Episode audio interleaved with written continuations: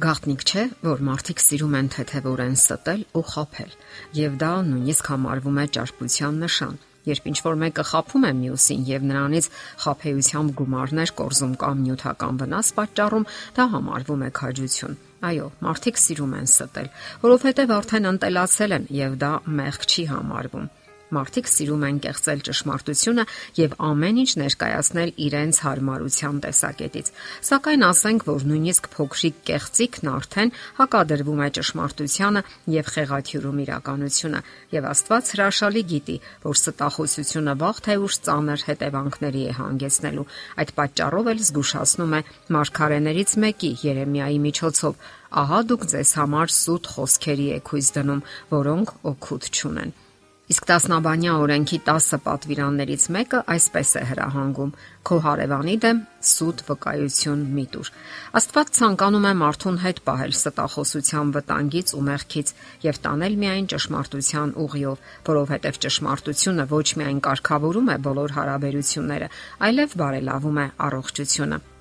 Այսօր բժշկագիտության զարգացման պայմաններում դեռևս շատ անհասկանալի ու անբացատրելի երևույթներ կան, որոնք մարդը կարող է հասկանալ ապագայում եւ որոնք գիտությունը աստիճանաբար parzabանում է նոր փաստեր են բացահայտվում, հասկանալի է դառնում մարդու էության, հոգեբանության շատ առանձնահատկություններ ու նրբություններ, որոնք իմանալու եւ կիրառելու դեպքում նա բազմաթիվ խնդիրներից կազատվի։ Մարդը հաճախ տարապում է սեփական անգիտության պատճառով Այսօրվա հաղորդումը հենց այդ մասին է։ Պարզվել է, որ ճշմարտախոսությունը կամ ըստ դրա ապրելը օգտակար է մարդու առողջության համար։ Ճիշտ խոսելը, ճշմարտացի լինելը զգալիորեն բարելավում է մարդու ֆիզիկական եւ հոգեբանական առողջությունը։ Այս հետևությանն են հանգել Ամերիկայի Նոթրդամ համալսարանի հոգեբանները։ Նրանք այն կարծիքին են, որ մարդիկ կարող են գիտակցաբար եւ նպատակամղված նվազեցնել ամենօրյա ստի ու կեղծիքի մակարդակը ինչը բավականաչափ դրական ազդեցություն է գործում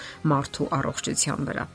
Այս հետևությանը հանգել են տասնօրյա փորձի արդյունքում, որին մասնակցել են տարբեր տարիքի 110 մարդ։ Փորձին մասնակցող կամավորների կեսից ավելիին առաջարկել են ողջ փորձի ընթացքում դադարեցնել ստելը։ Մասնակիցների մյուս խումբը համարվել է հսկիչ խումբ։ Երկու խումբն էլ parberabar գնացել են լաբորատորիա, որpիսի առողջական վիճակի հետազոտություն անցնեն, ինչպես նաև ստի դետեկտորի օգնությամբ գնահատվի շփաթվա ընթացքում ասված ստի ու կեղծիքի մակարդակը։ Եվ ահա ուշագրավ փաստեր են նկատվել։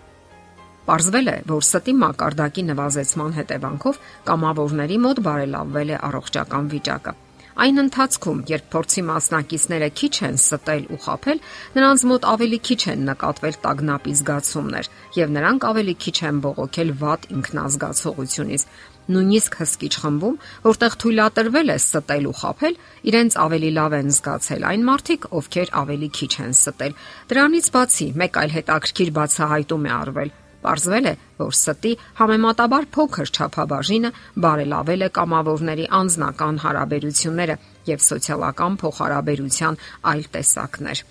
Այս օրինակ հետևությունները միայն ապացուցում են հանգիստ ու մաքուր խղճի ու մտքերի դրական ազդեցությունը մարդու ընդհանուր հոգեկան ու ֆիզիկական առողջության վրա։ Մեկ անգամ եւս ընդգծելով, որ խաղաղ միտքն ապրում է այնտեղ, որտեղ բացակայում են կեղծիքն ու խափեությունը։ Եվ այս փորձի մասնակիցները նաև դրական են արտահայտվել ազնիվ կյանքի իրենց այդ փորձառության վերաբերյալ։ Նրանք կարծես նորովի են գնահատել արդար առանց կեղծիքի կյանքի դրական կողմերը, սեփական կյանքի օրինակով եւ փորձով համոզվելով դրա մեջ։ Օրինակի համար անհամեմատ ավելի հեշտ եւ օգտակար է խոստովանել ուշացման պատճառը, քան հազար ու մի ստեր հորինել։ Կամ ասենք, ավելի լավ է ազնվորեն խոստովանել, թե որն է խոստումը չկատարելու իրական պատճառը, քան ընկնել խափեության գիրկն ու պատճառներ հորինել։ Արդարացումներ մտածելն ու անընդհատ արդարանալն ի վերջո հոգեկան մեծ լարվածություն է պատճառում, ինչն էլ առողջական խնդիրներ է ծնում։ Ընդ որում գիտնականների մեկ այլ խումբ parzabanել է, որ խափելն ու կեղծելը որոշ դեպքերում կարող է նույնիսկ մահացու վտանգ ներկայացնել։ Խոսքը վերաբերում է բժիշկ հիվանդ հարաբերությանը, չէ՞ որ հիվանդը պետք է բժշկին ազնիվորը Չէ որ հիվանդը պետք է բժշկին ազնվորեն ներկայացնի իր առողջական վիճակի եւ անձնական կյանքի մանրամասները, այլապես ինչպես կարող է բժիշկը ճիշտ հասկանալ եւ ճիշտ գնահատել այցելուի վիճակը։ Եվ այսպես, ինչ հետևությունների կարելի է հանգել որ անհամեմատ ավելի ճիշտ է ազնիվ ապրելը, ազնիվ կյանքով ապրելը, առանց ստերի ու կեղծիքի փոխհարաբերությունները, որից կշահեն ոչ միայն մարդիկ, այլև հասարակությունն ընդհանրապես։